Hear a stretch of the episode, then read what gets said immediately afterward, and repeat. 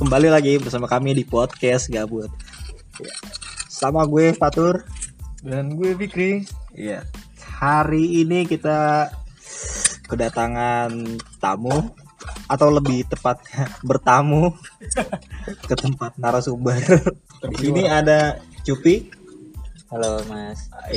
lalu ada Cobra, Halo. dan ada ada Budi. Yo. Ya. Itu nama-nama samaran ya, bukan nama aslinya. Eh, nama samaran gue Mawar aja boleh nggak? Jangan dong. Oh ya. Cobra aja. Cobra aja udah. Udah cocok. Jadi kali ini kita ya, kali ini kita akan ngomongin tentang skripsi. Iya kan? Buat kalian semua ini pendengar, mahasiswa, mahasiswi, Pejuang semester akhir. kalau semester akhir. Pejuang toga. Iya. Mungkin akan mendapatkan manfaat dan hikmah dari podcast ini. Dia nggak buka KBBI. oh jadi itu KBBI. Tunggu KBBI dulu. Iya, iya. Iya, Jadi kalau dari gue sih apa nih tur skripsi ya. skripsi. Jadi kalau skripsi tuh ya sebenarnya cuman kayak kayak kuliah biasa sih kayak ada tugas ya kan. Cuman Tugas biasa. tugas biasa sebenarnya cuman karena emang lu udah di masa-masa akhir dari kontrak SKS itu kan? Iya. jadi seolah-olah itu penentuan lu selama empat tahun atau berapa tahun lu kuliah ya itu lu bisa nggak kerjain tugas yang buat nanti lu lulus? Ya lebih tepatnya kita ngadepin para dosen lah ya ngadepin para penguji. Bisa nggak kita tuh kuat terhadap argumentasi sendiri? Itu. Itu dari gue sih ya. Oh, buat gua sendiri sih skripsi itu ya ya tugas akhir sih ya. Ya pokoknya tugas tapi di akhir, di ujung gitu. Dan memang menyebalkan sih skripsi itu. Kalau menurut lo buat Kalau gua mah skripsi itu ini doang. Apa namanya? Syarat buat bagian orang tua doang. supaya lu bisa wisuda ya. Supaya bisa wisuda. Kalau gunanya mah yang penting kalau menurut gua skripsi yang benar itu skripsi yang selesai. Skripsinya selesai. Iya, bukan yang bagus-bagus gitu kayak kata orang-orang yang kayak bikin Alkitab tebal-tebal. Yang penting gua bisa lulus dengan skripsi gua gitu ya. Benar, nggak salah itu. susah. Cuma gampang susah.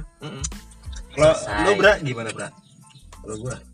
Ini karena gua lulusnya lama aja ya. Kalau gua bilang gua kurang suka sama skripsi. Iya, iya. Nanti kita kulik kayak dari ketiga narasumber ini ini kayak karya tulis nih men.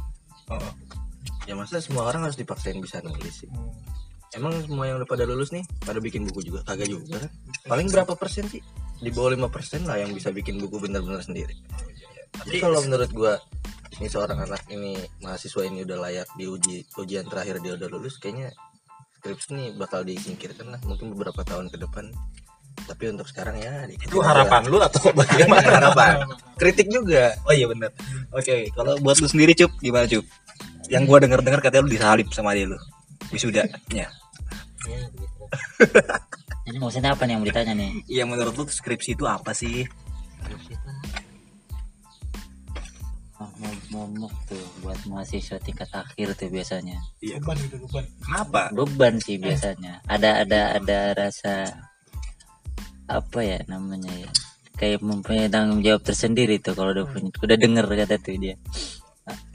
Apalagi skripsi itu kan tugas, berarti merupakan sebuah kewajiban bagi mahasiswa dan mahasiswi untuk mengerjakan tugas tersebut ya. Jadi menurut lu ini adalah sebuah beban. Ya itu memang beban karena dibebankan kepada mahasiswa gitu kan. Oke lah kita dikasih pembimbing, tapi terkadang pembimbing nih tidak sepenuhnya membimbing. Dia cuma terima beres tab jadi bab sampai bab 5 dikoreksi sama dia. Udah. Yang seharusnya kan pada pada dasarnya kan emang harus dari per bab. Itu kan enak kalau kayak gitu. Oh, berarti lu nggak dibimbing dengan benar dan baik. Nah, begitulah.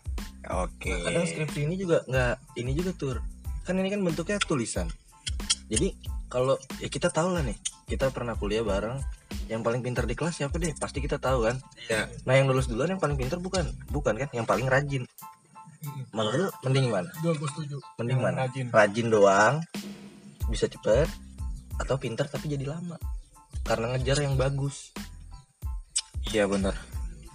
Dan kalau menurut lu sendiri IPK itu ngaruh nggak sih sama lu ke depannya? Enggak, enggak ngaruh. Kenapa lu enggak ngaruh? Nggak peduli. Cuk. Oh, enggak peduli. Nggak peduli. kalau Oke. bagi gua ngaruh buat ini doang buat ngelanjutin studi Oke. Mm-mm. Lu standar doang itu mah ngaruh lah Tur. semua orang punya standar misalkan lu misalkan buat apa nih buat lanjut kuliah lanjut kerja dua-duanya pasti kepake kan IPK percuma lu mau pinter kagak punya ijazah juga mau buat apa Dan itu yang gue rasakan. Gimana gimana Cup? Jadi begini ya mau penting sih IPK tapi gimana ya bukan segalanya sih IPK taruhlah misalkan kita nilai hukum lingkungan kita jelek. Gitu kan tapi itu tidak mau tidak ma, tidak menutup kemungkinan kita jadi ini kan jadi menteri juga. Menteri Lingkungan Hidup. iya bisa juga. Dan kehutanan. iya contohnya kan Jokowi dia IPK dia cuma berapa katanya. Dengan isu-isu yang beredar cuma sekitar yang lu apa ya Oh iya. Iya, iya, apa? iya, iya. iya. Ya begitulah. IPK itu. Itu buat standar. Misalkan ada standarnya misalkan berapa? Tiga. Itu normal sih kalau menurut gua. Standar tiga ya. Buat- lu misalkan punya perusahaan ada orang fresh graduate. Pengalaman belum punya nah di podcast lo yang awal-awal kenapa harus ada pengalaman gitu kan? Kenapa harus ada IPK IPK itu buat acuan standar tuh Kobra ini pendengar setia nih kayaknya nih. oh jadi begitu? Makasih banget Ibu. dari gua. Jadi misalkan ada teman kita nih yang punya IPK gede nih, tapi dia nggak bisa apa-apa, menurut lu gimana? itu kan nggak menutup lu punya kesempatan cup. Kalau dibalikin lagi ke semuanya nih takdir pi. Kayak orang ngerokok mati nggak ngerokok juga mati.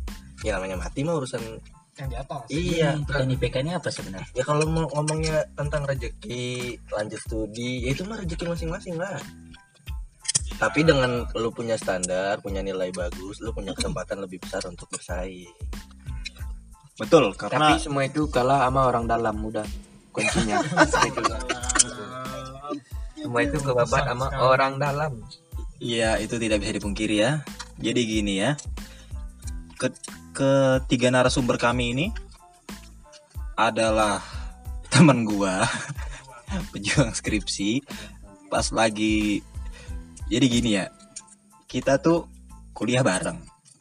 Satu fakultas, satu jurusan, satu konsentrasi, satu kelas, satu tongkrongan. Kenapa bisa gua lulus duluan kalian belum anjing? ini dia nih yang tadi gue bilang agak kurang suka sama skripsi nih ya. Ini buka-bukaan aja nih. Kuliah gue selesainya lebih cepat dari patur. Iya bener. Kobra lebih cepat daripada gua. Nah skripsi gue belum kelar. Karena gue nulisnya ya males lah atau sambil kerja gitu, gitu. Beda sama orang. Gitulah yang susah dari tulisan. Karena kalau skripsi ini kan bukan kayak tugas kita kuliah.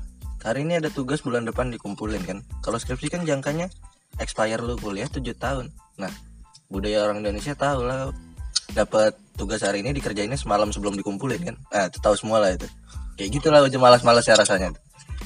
Tapi Tapi ini yang bang saat ini cupi Kenapa? Karena dia ini semprot bareng gue. Jadi ceritanya begini.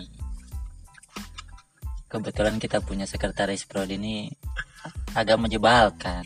Sebut saja Sebut saja Abu ya Itu nama samaran ya Itu nama samaran lah. Abu itu nama samaran Itu nama samaran.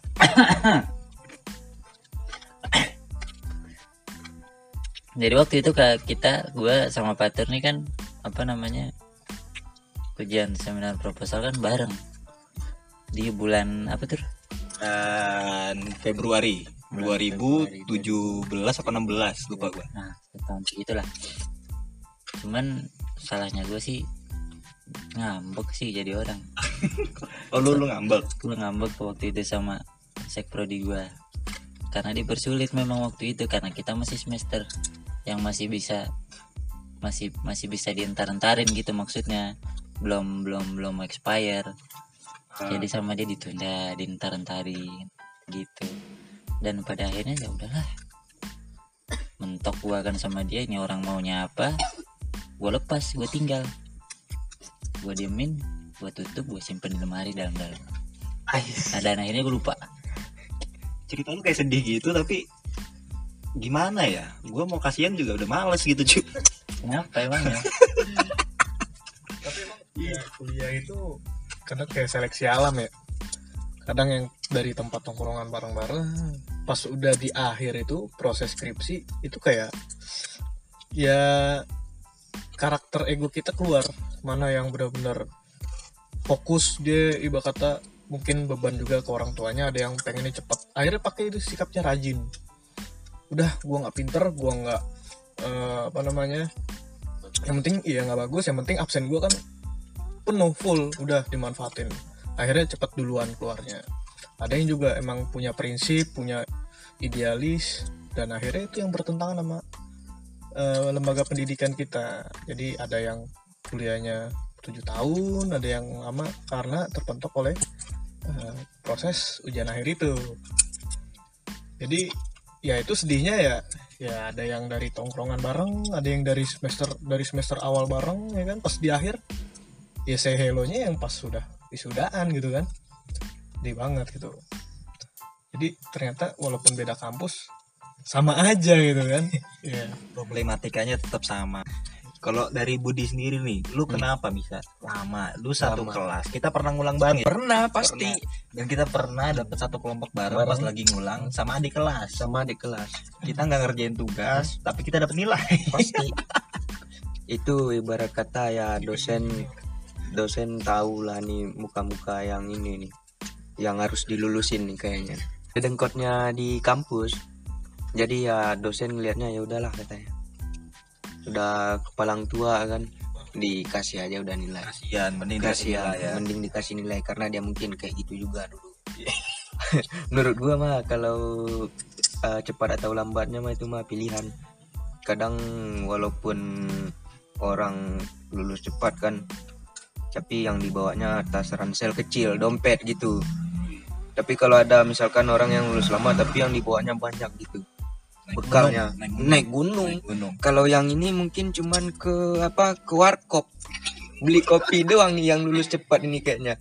Kalau yang ini naik gunung ke mana-mana gitu. Ya paham lah mungkin kan. Mm-mm. tapi gini ya eh, gimana tuh? eh, di sini berarti kan ada dua kubu ya. Yang sudah lulus mungkin tepat waktu. Terus juga gua gua nggak tepat tepat waktu banget sih. Gua lima tahun kan. Problematika ketika gua nih pas udah lulus nih. Lu dulu deh Beh. Apa tuh yang eh, lu, lu hadapi setelah lu lulus tuh apa? Jadi gini eh ya itu itu sih gue punya rekam jejaknya udah kerja sih semester 3 ya kan? Jadi perihal finansial umumnya kayak Bang Cupi bilang jadi ada masalah masalah keuangan juga ya kan? Udah ngasih nggak dikasih jajan. Tapi kalau yang tantangan terberat gue itu setelah lulus yaitu progres lu ke depan. Jadi kalau bahasa kasarnya nih lu udah nggak ada kegiatan mau kegiatan apa lagi gitu loh. Apa ya lu bengong-bengong aja di rumah ya kan dengan kebanggaan gelar lu yang lu capai itu ya kan nggak juga ya kan. Jadi tantangan terberat itu ya status apakah lu lanjut studi S2 atau enggak lu status bekerja ya kan dengan orang atau lu usaha gitu kan jadi nanti tuh ketika setahun dua tahun berjalan lu tuh bakal ngeliat progres lu sendiri dan ya cobaannya sih itu. Kalau lu ya kayak jalan di tempat iya lu udah lulus gitu loh. Tapi satu kutip ya tanda kutip masih jadi pengangguran ya kan buat apa gitu kan. Kalau umpama progres 2 tahun tak oh udah jalan skripsi akhir nih S2 ya kan udah ada pencapaian kan ada achievement di situ jadi ya tantangan terberat gue sih kalau lulus tepat waktu ya paling nasib aja sih lebih ke nasib. Gua mau nanya nih sama lu bang yang udah lulus nih kan. Eh, apa namanya ibarat kata nih kata lu tadi misalkan ada yang udah kerja kan ada yang ngelanjutin S2 nah misalkan kalau yang udah ngelanjutin S2 misalkan kalau semakin tinggi gelar lu ibarat kata eh, misalkan kayak lu kerja di perusahaan tentu dia harus bayar lu kayak lebih lah gitu kan karena status eh, status eh, Gelar dia jenjang- lebih tinggi. gelar dia lebih tinggi jenjang pendidikan. Nah terkadang gue lihat itu banyak orang yang bahkan yang udah S2 kan yang buru-buru nih kelarin S1 terus lanjut S2 dek. Habis itu udah S2 dia oh, terkadang mau minta gaji itu kadang perusahaan kadang mikir-mikir kan. Nah, gue tertarik nih sama pembahasan ini. Jadi kalau bermasalah gelar pendidikan dengan apa upah salary. Sebenarnya yang lebih Ya penting kan? mana? upah salary. Bukan lebih ke upah salary. Sebenarnya perusahaan itu nilai eh, nilai orang yang umpama punya gelar S2 atau ya sarjana apa pun. Jadi pertimbangannya itu bukan masalah gaji mahal. Dia bisa memahami nggak konteks perusahaan itu atau bisnis itu berjalan dengan lancar. Kayak Pak tuh pernah bahas kan bagaimana perusahaan ini berjalan dengan eh, se bisnisnya itu berjalan kayak kontraktor sumpama kayak berjalan itu duit masuk dari proyek ya kan? Jadi jadi kalau masalah apa namanya gaji ya kan salary dengan diadu dengan pendidikan ya kan? Oke dia punya ada punya ada apa namanya standarnya S2 tuh berapa bayarannya. Tapi kalau pandangan gue itu bertentangan sama eh, kemampuan perusahaan. Kalau yang perusahaan bonafit ya mungkin bisa dibayar sesuai sama eh, ilmu yang didapat. Karena kalau kita ngejar studi aja misalkan dari S1 lanjut S2 gitu itu tuh hanya teori gitu loh. Tapi kalau emang diimbangi sama dia sembari kerja sembari punya pengalaman mungkin dia bisa dibayar lebih gitu kan. Dan sebenarnya yang lu pelajarin di kampus masih tipis-tipis aja sih baru kulit-kulitnya doang. Sisanya tuh profesi lu ya ada di jam terbang lu sendiri. Entah mungkin lu baru jago 10 tahun 15 tahun baru lalu Kalau menurut gua mah kampus cuman ngajarin basic nongkrong, skill rapat dan project sosial. Itu doang. yang terkadang itu sangat dibutuhkan. Gua akuin sangat sangat dibutuhkan. Tapi ya gini ya terkadang eh, S2 tuh menjadi pelarian bagi mereka yang menjadi pengangguran tapi konteksnya ini untuk mereka yang mempunyai dana lebih ya kekuatan finansial dari segi orang tuanya ya. Gue udah lulus nih. Nyari kerja pengennya. Ntar gue S2 pas ket- apa ketika kerjaan gue ngebutuhin gue buat S2 gitu kan. Nyari kerja susah nih bangke nih tak bangsat susah banget nyari. Ah orang tua gue punya duit waktu gue luang daripada kebuang-buang mending gue S2 banyak kan kayak gitu. Menjadi pelarian berarti kan? Ya walaupun memang terkadang sih ini cuma terkadang ya. emang udah disuruh aja sama orang tuanya buat warisinnya lanjutin bokapnya misalkan bokapnya apa misalkan pengacara gitu kan. Udah lu S2 aja ntar lanjutin kantor bokap gitu, atau bokapnya notaris gitu kan. Ya karena memang notaris harus S2 dan ya adalah teman kita. Sebut saja ah ini baru sebut saja mawar bro. Ya, nah yang memberatkan kalian itu eh, mengerjakan skripsi itu apa nih sebenarnya. Yang pertama nih. Males. Males emang males. Jadi mis- males apa? Karena nggak Ya. bisa? bisa mah bisa aja. Kalau udah mulai nih kan kalau misalkan udah kita udah mulai nih tap. Bet bet bet bet bet bet bet lanjut dah tuh kan kalau udah mulai nih. Tiba-tiba kita berhenti stop lah. Stop. Kita tinggal nih nongkrong main ke mana gitu kan lupa. Atau misalkan ada keterip ada kerjaan gitu kan lupa lah. Lupa kalai terbengkalai. Nyari duit. Akhirnya kita menikmati lah tuh dengan udah bisa nyari duit ya kan? Ya begitu sih. kalau menurut gua mah kalau biar apa namanya untuk mengatasi hal malas begitu kan ibarat kata lu kayak ada penjurusan kan? Eh, kalau semester 5 kan konsentrasi dong. konsentrasi. Nah kalau menurut gua sih yang harus lu bikin di skripsi itu nantinya itu apa yang mau lu kerjain ke depannya. Jadi skripsi itu sebagai batu loncatan buat apa yang akan lu kerjain nantinya misalkan kayak eh, di hukum bisnis misalkan kan lu bermain eh, skripsi lu tentang pasar modal. Berarti besok lu di jadi konsultan pasar modal atau lu jadi pelaku orang yang bermain di pasar modal sendiri. Nah itu mungkin menurut gua akan lebih efektif karena eh, pas di skripsi lu paham pola dan segala macamnya kan pas lu kelar kuliah pun lu ngelanjutin apa yang udah pernah lu kerjain pas di skripsi Oke, jadi jadi memang ada lanjutannya tahapnya lanjutan ya ada tahapnya. Biar itu biar ibarat kata lu eh, pas kuliah itu eh, apa ngampus itu ada ada feedbacknya karena memang kalau untuk menjadi ahli itu kan lu harus linear kan dari S1 sampai S3 Iya, tuh harus iya. linear harus satu paket. Ya katakanlah kayak kita nih kan kita hukum bisnis. Hmm. nah nanti S2 ngambilnya hukum bisnis lagi. Iya. tesisnya tentang hukum bisnis. S3 nya lagi pun tentang hukum bisnis. Iya. Ya kan? Menurut gue sih eh, seperti itu sih biar eh, ada manfaatnya walaupun juga nanti eh, skripsian kita itu ya bakal jadi apa namanya eh, kitab pa- kitab pajangan yang nggak terpakai fungsinya satu doang tuh cuma eh, buat ini buat eh, adik-adik kelas buat ini sebagai contoh Padahal di di perpustakaan banyak ya. banyak Tapi masih minta ke kita. Masih minta. aduh anak zaman sekarang tuh pada males semuanya. males kebanyakan ini apa namanya Micin. Mi- micasa micin kebanyakan apa eh, fast food yang gitu gitu sehingga memperbesar badan. Di eh, di badan-badan tertentu tuh agak besar dikit. Kalau gue sih ya ngomong gara-gara males pertama. Kedua ya gue ya gue bilang gue nggak bagus lah dalam hal nulis. Gue nggak mau banyak ngomong nih kayak sekarang ya ntar dibilang ya orang males ngasih motivasi gitu kan. Males juga kan gue dibilang kayak gitu ya kalau emang buat ada junior junior atau yang emang baru mau skripsian tadilah kuncinya. Rajin pertama. Skripsi yang bagus kata Budi nih. Nggak usah bagus-bagus yang penting kelar. Nggak ada yang lihat. Kalau kayak gitu sih kalau dari gua. Daripada dibilang orang malas ngasih motivasi. Lu aja males ngasih motivasi lagi lu siapa yang mau percaya? Nah jangan sampai lu nyesel dah. Itu benar benar yang dibilang Kobra tapi gini ya em, memang tidak bisa dipungkiri kalau males itu nggak ada obatnya bos. Iya kan?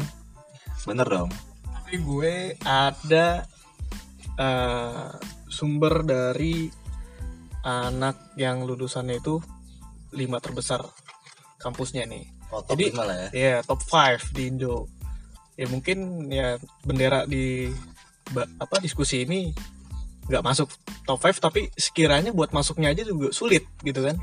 Jadi ada pandangan yang terselubung yang yang punya prinsip kuliahnya nggak mau cepet-cepet itu ada banyak kan ya mayoritas bilang itu gue masuknya aja susah ya kan. Wajar dong kalau gue dilulusinnya juga agak lambat ya kan. Mau gue prosesnya lama mau gue males ya gue nikmati ya kan. Gue nggak tahu itu pelarian atau ya apa tapi tapi benar juga sih lu buat masuknya filternya banyak tuh kayak sperma lu lahir ya kan. Dari sekian ribu cuman masuk berapa orang doang ya kan. Nah terus pas lu proses KBM ya kan belajar mengajar ya lu kan punya pergaulan lu punya relasi. Ibarat apakah kelulusan lu itu tanda kesuksesan lu ya kan? Nggak juga gitu ya kan? Yang penting ya kayaknya yang kuliah-kuliah lama ini dia memperbanyak relasi dan unos gitu. Pas lulus nggak ada tahu nggak ada yang tahu kan kesuksesan itu siapa dulu yang nilai?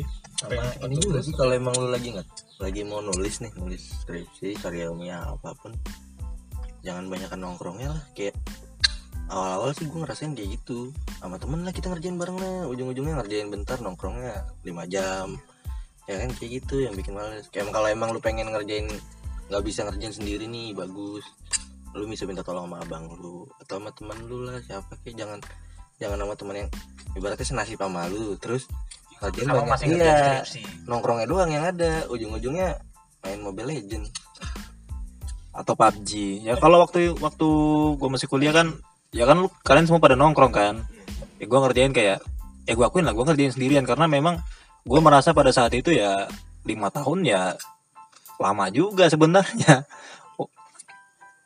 Tapi kita nggak bisa nggak bisa memungkiri kalau ya kalau memang ada yang kuliah lama kayak tadi Fikri bilang dia nyari relasi dia bangun relasi dengan siapa pun gitu kan. Dia bangun koneksi. Karena butuh koneksi yang banyak gitu kan. Kalau lu sebatas kupu-kupu gitu kan kuliah pulang kuliah pulang ya top. Kesuksesan lu bukan dibuktikan dengan secari kertas doang ya tadi IPK itu ya kan.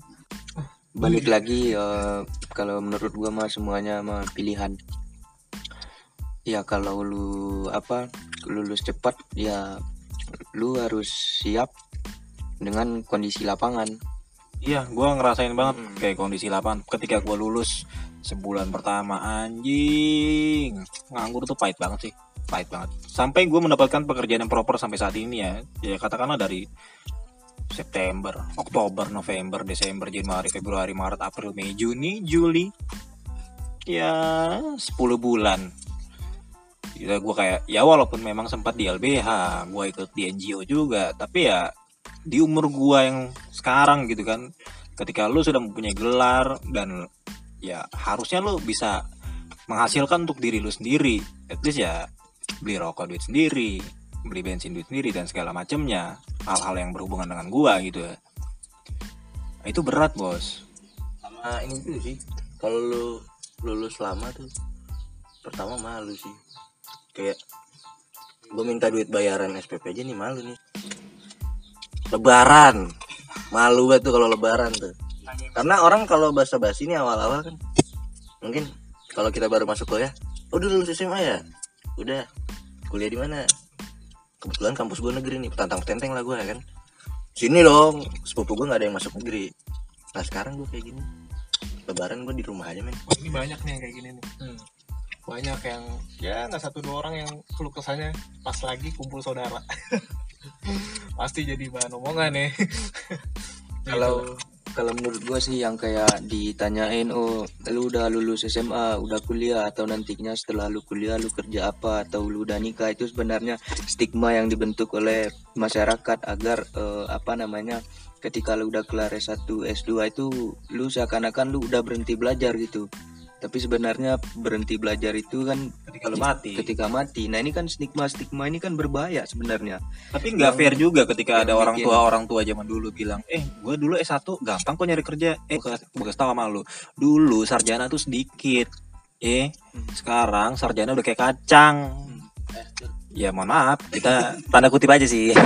Mohon maaf ya bapak-bapak ibu-ibu. Juga sih Nur. kadang-kadang kalau lagi kumpul keluarga kayak gitu Indonesia biasa lah bahasa basi ya nah yang dimulai sama orang misalkan kita saudara-saudara nih dari kampung nih atau kita yang pulang kampung lah misalkan lebaran. Bahasa basi nih. Nah yang kita tahu tentang dia apa? Misalkan dia tahu bisnis kita misalkan bisnis baju. Nah gimana bisnis baju? Nah yang dia tahu kita kuliah akhir. Otomatis yang ditanyain udah lulus belum? Pasti kan kayak gitu. Atau bahan obrolan aja Iya bahal obrolan, cuman kan kesel gitu ya. Sampai gue mikir, ntar kalau gue udah gede, adik-adik gue nggak gue tanya kayak gitu lah, bodo amat, gue malas. Ya, Ke- tapi kembali lagi kan kondisi zaman dulu kan sarjana masih sedikit kan. Kalaupun memang lu adalah sarjana pas- pada saat itu, Udah pasti dipilih. ya lu pasti dipilih karena memang SDM yang ya, yang lain belum memadai. Karena yang lain belum S1, cuma lu doang yang S1.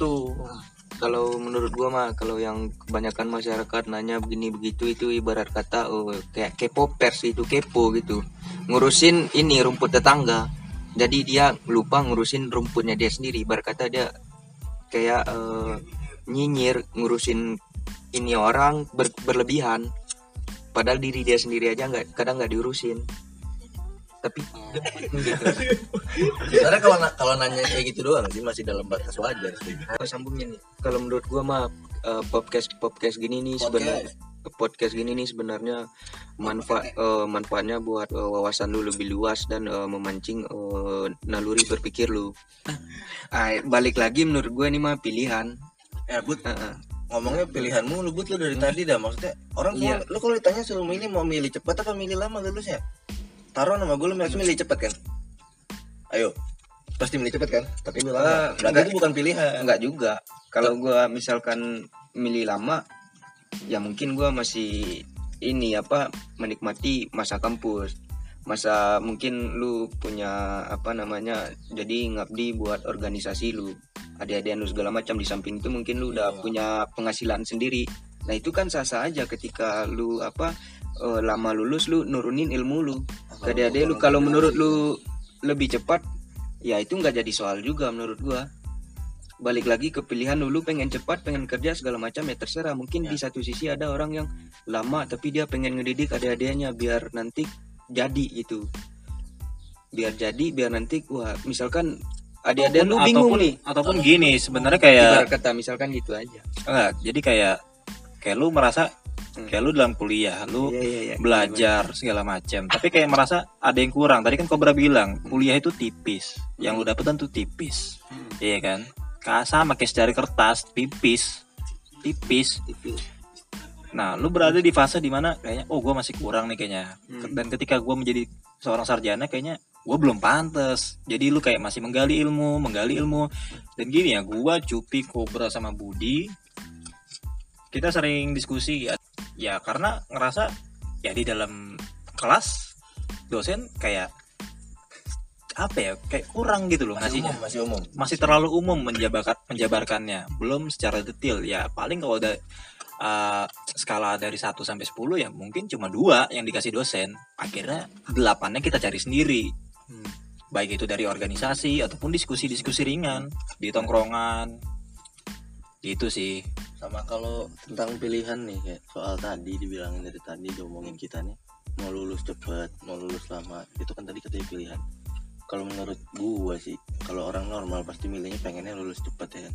Entah itu Spontan. lulusan belakangan yang kayak lu dapat kerja atau enggak itu mah ya pasti semua pengen lulus dulu lah. Duluan gitu kan. Nggak ada yang pengen lulus lama. Kalau gue nih sekarang lulus belum.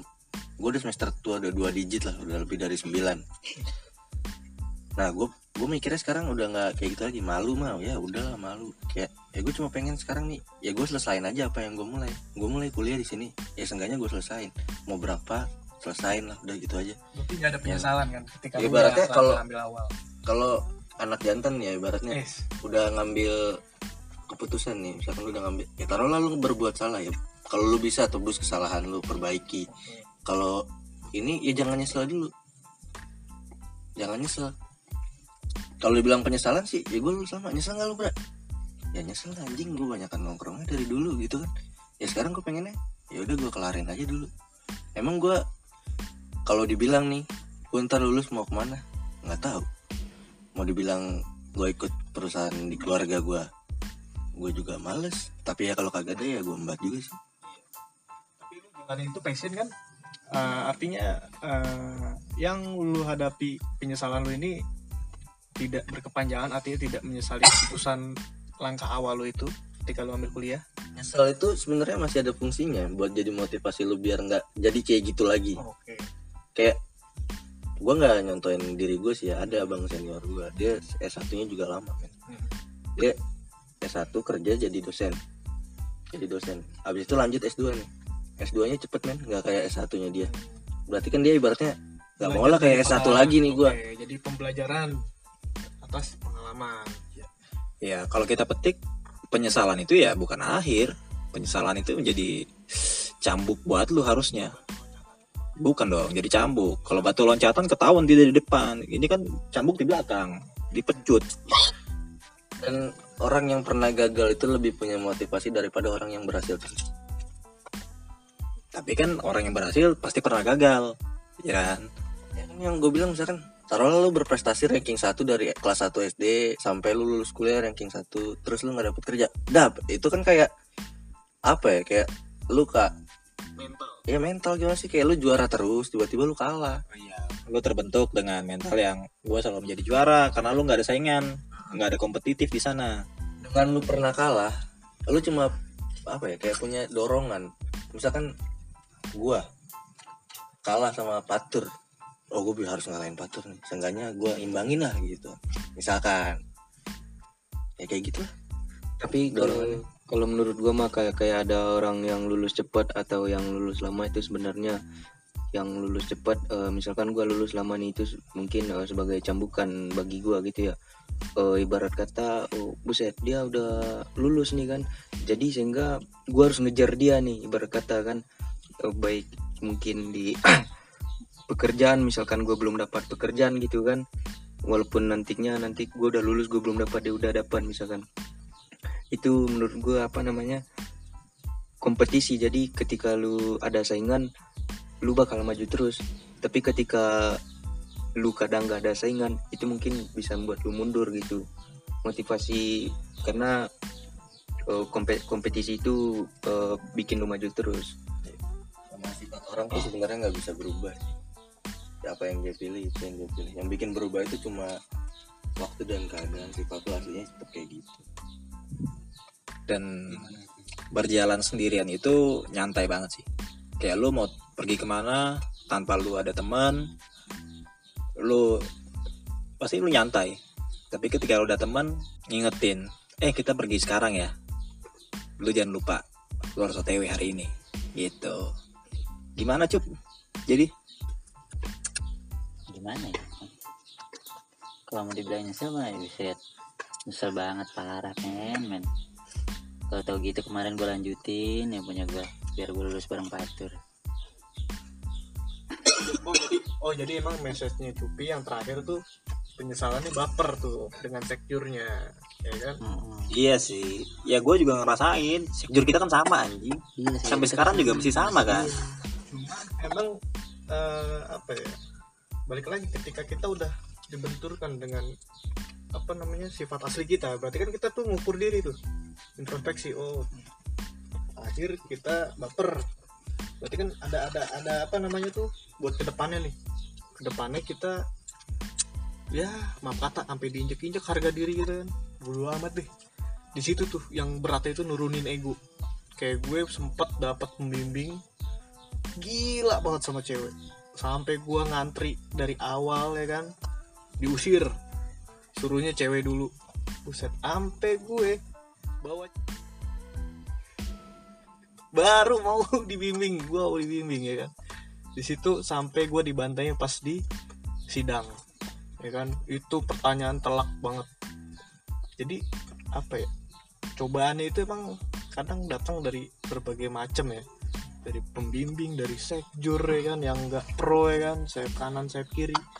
Nah itu emang kita juga harus apa ya lebih perbesar cermin kita nih. Kita kelemahannya di mana weaknessnya nih? Oh ternyata gue baper. Nah itu ber- berlanjut sampai dunia kerja. Yang gue alamin sih kayak gitu. Jadi nih selama proses lu kuliah yang lama ini jangan tok kayak penyesalan lu dalam dunia studi doang. Tapi itu juga bisa berpengaruh dalam bermasyarakat gitu. Tapi kalau menurut gua dari sekian banyak yang diobrolin itu eh, walaupun banyak tidak baiknya ya lulus lama segala macam eh, ada pertanyaan tanggung jawab ke orang tua dan lain-lain tapi ada satu eh, sisi baiknya juga. Kar- karena eh, waktu ketika lu dihadapin dengan berbagai masalah di dunia perkampusan lulus lama dan statement-statement yang dibangun oleh orang tua dan masyarakat itu ibarat kata lu kepentok jadi mungkin s- eh, kalau lu benar ben- kalau lu benar-benar udah kepentok nih udah kena pukul habis nih di situ lu baru bisa berubah dan belajar menurut gua Ini kon ini konsep hidayah ya. Lu kepentok baru tuh ketemu jalannya. dan dan mungkin besoknya itu lu ibarat kata udah udah nggak kayak adonan roti gitu karena kalau adonan roti eh, cepat jadinya cepat juga hancurnya. Tapi lu ibarat kata kayak baja sekali jadi nggak bakalan hancur-hancur lagi. Berarti kayak Tan Malaka ya, terbentur, terbentur, terbentur, terbentuk. terbentuk. Nah itu. Emang brother gue ini emang bisa nih. Buat, buat kita seumuran segini mau ngebentuk apa lagi? Karakter udah kebentuk pasti kan karakter lo karakter lo beda karakternya beda. Ah, gini bra, karena karena gue sudah melewati fase itu ya. Jadi karakter betul sudah terbentuk, tapi bukan berarti lu nggak bisa menerima masukan dari orang lain dan itu menjadikan lu lebih baik. Gitu. tapi kan yang dimaksud yang ditaruh saran orang lain kita nggak ya yang dibilang nih pengalaman apa guru terbaik. Ya taruhlah kita bisa belajar dari pengalaman orang lain. Emang pengalaman yang kita ini selalu sama sama dia misalkan enggak kan pasti beda-beda Enggak, kalau gue maksud gue tuh yang lebih kayak gini. Kalau kalau gue sekarang hari ini gue melihat bos gue menjadi sebagai coach gue ya, pelatih gue. Kayak misalnya gue kurang di sini nih. Oh ya udah deh. Berarti gue harus meningkatkan skill gue di situ. Itu maksud gue. kalau menurut gua mah kalau belajar dari pengalaman diri sendiri segala macam eh, karena tentu kadang orang lain lebih dulu hidup dari lu kan mungkin eh, ketika lu lihat pengalaman orang itu otomatis lu pasti ngeliat ke diri lu sendiri. Karena mungkin masalah yang lu hadapi sama dia mungkin sama. Mungkin lu belajar dari belajar dari pola pikirnya dia. Belajar di, dari pengalamannya dia sehingga nanti lu tahu selanya. Gitu maksud gua belajar dari pengalaman orang itu mungkin di sisinya mungkin di situ. Ini gua kalau bahas masalah kuliah lama cepet ada nggak sih eh, ini kan kalau yang lama itu lebih cenderung nggak ada harapan ya kan Iya. bener nggak sih Iya, itu tuh. lu ngejalanin itu kesendet karena nggak ada harapan bener nggak sih kayak tadi faktor sekjurnya lah Hmm. sektor yang lain-lainnya lah dari dalam Nah. dan dari luar. Nah, kalau gua kasih pilihan, ya kan, dari tiga godaan dunia, harta, tahta, wanita, ada nggak pilihan-pilihan yang bisa membangkitkan motivasi lu pada semua? Entah dari perempuan yang punya Ini Mungkin. buat siapa nih? Buat kita semua. buat kita, semua lah yang yang yang ya khusus spesialnya yang narasumber kita hari ini ya. narasumbernya. Ada nggak? Kalau sumpama lu di jalanin punya pacar yang bisa ngasih semangat semangat kuliah lu. Ayo kerjain bisa nggak? Kira-kira nih kira-kira. Nggak kena. Nggak kena. Itu Nggak tergantung orang ya sih? Kalau ada yang bisa cuma diomongin bisa misalnya, ayo dong kerjain. Ayo dong karena buat." karena eh, eh, ada yang harus ayo sini deh buat. Gue bantuin. Ayo deh sini buat. Gue temenin ada yang kayak gitu beda-beda kan. Oke. Ada yang kayak cuma lu buat lah gitu kan kayak dia jadi. Ada yang temenin baru Berarti jadi emang faktornya kan di sini kan jadi. le- lebih kuat malesnya kan daripada yang penyemangatnya itu kan. Kadang ada aja nih disemangatin adik-adikannya wow getol deh tuh ya kan? Ada juga yang cuman nonton video-video yang motivasi. motivasi istilah kata kayak emang dosen tugasnya kayak gitu ngerjain mahasiswanya gitu kan ada aja gitu kan. Akhirnya termotivasi cari titik lemah titik eh, unggulnya di mana gitu. Terus ya itu tadi itu dari segi wanita. Berarti nggak nggak ngaruh juga ya tergantung orang ya. Jadi emang udah terhambat ya kan karena emang realitanya nggak sesuai gitu kan dari si yang penyemangat tapi balik lagi rasa harapan itu kan timbul karena di kompor-komporin itu loh kayak batu bara itu kan. Iya. makin dikomporin semakin semangat harusnya. Tapi kalau emang jiwanya lebih besar ya tadi faktor lainnya jadi ya nggak nggak nggak terpengaruh tuh masalah wanita. Kalau gua tambahin lagi tadi harta ya kan? Lu lulus ibarat kata lu dijaminin dengan hadiah sekian sekian sekian dari orang tua lu atau dari lingkungan kolega lu. Untuk membangkitkan motivasi lu ngerjain skripsi sampai selesai. Bisa nggak? Kalau kayak gitu kan udah Kira-kira. udah dijanjiin ya. Hmm, kalau kayak gitu lu ujung-ujungnya lu bakal ngehalalin segala cara. Misalkan betul. lu misalkan udah lu lulus ntar lu kerja di kantor abang lu gitu kan. Itu itu Gaji- tahta itu tahta itu tahta. Iya misalkan Heeh. eh, jadi wakil abang lu gaji lu 10 juta kan Wah gue lulus nih gaji 10 juta ya gue bayar aja oke 3 juta masih untung 7 juta gue Hmm. ya kan kayak gitu. Ya berarti kan ini intinya kan lulus ya iya tapi Jadi- jadi Ya intinya kan membangkitkan semangat gua- yang, yang gue bilang kayak gitu yang, caranya gimana aja yang penting yang gue bilang tadi cuy gue kurang setuju sama skripsi kayak gitu karena bisa pakai joki. Kalau ujian yang diuji kan bener-bener lu. Lu nggak mungkin pakai joki kan muka lu beda. Sekarang gini. berarti bener-bener kebanyakan orang kan menilai ini enggak dari proses kita buatnya bra dari Hasil. dari hasil. orang kan di mana mana pasti lihat hasil. Mau lu lewat jalur joki lu Iya. buat sendiri lu banting tulang gimana caranya kan orang lihatnya hasil hasil. Jadi nih. Nah, ya kan? karena Yang seribu jadi. ribuan mahasiswa. Itu memang. Itu cuma lo doang. tanya dia tadi Gua setuju. Ah, Motivasinya, Iya, itu- kalau lu mau dikasih tahta Heeh. untuk menyelesaikan skripsi lu ujung-ujungnya lu bakal ngehalalin segala ya udah nggak apa-apa. Yang Ya penting ya udah nggak apa-apa. Yang penting kan selesai. Yang penting selesai. Jadi jadi intinya itu hamba ngapain dilawan?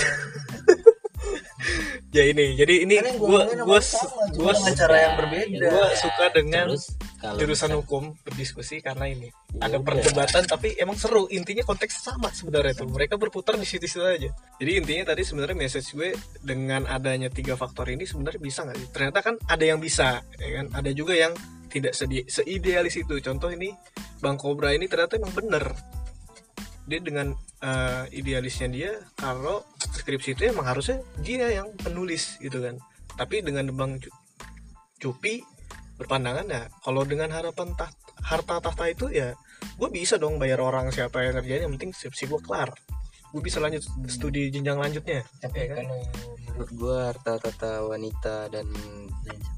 Dan lain sebagainya. Tadi itu nggak nggak ngalalin nggak ngalalin segala cara doang. Itu sebenarnya kan bentuk ini doang eh, side effect.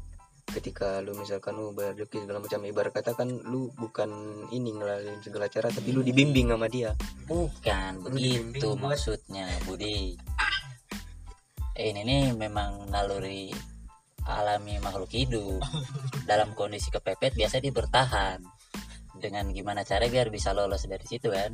Nah itu balik lagi karena emang pendidikan ini tuh ya sebenarnya investasi berapa banyak kok mahasiswa? Nggak usah muna. Tujuannya apa? Lebih banyak ke tahta. Misalkan gue kalau punya gelar gue naik pangkat. Ibaratnya nih status yang udah pada kerja. Benar nggak sih? Nah itu Ya. bisa dibilang mayoritas juga. Nah gue bukannya tidak mengkategorikan yang kuliah skripsi ini eh, tidak punya motivasi ke sana, bukan. Tapi karena eh, dia lebih ke internal di sendi- diri sendiri. Kok gue diham dihambatin sama cobaan kayak gini banget sih ya kan? Ya, benar menjadi sebuah nah sebuah hambatan. Padahal balik lagi ya buka lagi cakrawala mengenai organisasinya ya kan? Ketemu senior senior sebenarnya bisa sih buat buat buat motivasi ya kan? Masalah hambatan skripsi ini gitu kan? Tapi balik lagi nih dari tiga narasumber ini kan seru juga. Ceritanya berbeda-beda dan punya pendapat masing-masing. Iya, iya, Iya. iya. Ya manusia punya pendapat yang beda-beda pasti ya. Nah, kalau untuk ya inilah eh, bukannya menjadi motivasi atau mengguri ya, tapi ini kalau dari pengalaman gue, ketika gue malas, maka yang gue lakukan adalah ya gue solo touring aja sendiri. Ya, ya lu kan tahu kan, gue kalau gabut pergi ke mana, tau-tau di mana, ya kan? Ya itu menjadi salah satu obat gue untuk Iya katakanlah ya untuk merecharge kembali oh kayaknya gue harus berhenti sejenak harus ada sebatang yang gue hisap dengan secangkir kopi di pantai apa di pegunungan. Tapi gitu gue selalu mencari cara untuk menjadi obat bagi malas gue kalau gue sendiri ya ya konteksnya traveling solo touring dan sebagainya. Tapi yang terakhir mah dari gua mah itu doang sih apa namanya eh, jangan lu pikirin lu jalanin aja karena eh, Tuhan kan kadang nyuruh lu bukan buat mikirin itu masalah tapi lu jalanin aja udah. Ya udah serahin itu sih menurut gua. Ketika lu udah jalan ya udah lu bakal nemuin yang bakal lu cari. Karena eh, apa namanya pengetahuan itu ya lu dapat dari pencarian lu. Bukan dari lu pikirin terus nih waduh gue ada masalah ini malas segala macam ini nggak jalan-jalan ya udah lu jalanin aja udah ngapain dipikirin? Selalu ngopi harus ngerokok dipikirin tetap harus Budi dipikirin. ini masalahnya bukan aib sendiri. ini aib ini aib keluarga. Ya oke. Makanya harus dipikirin. Apa namanya menurut gue sih emang selama 2000 tahun eh, pertarungan ilmu pengetahuan gak ada sesuatu itu yang gak bisa dikritik.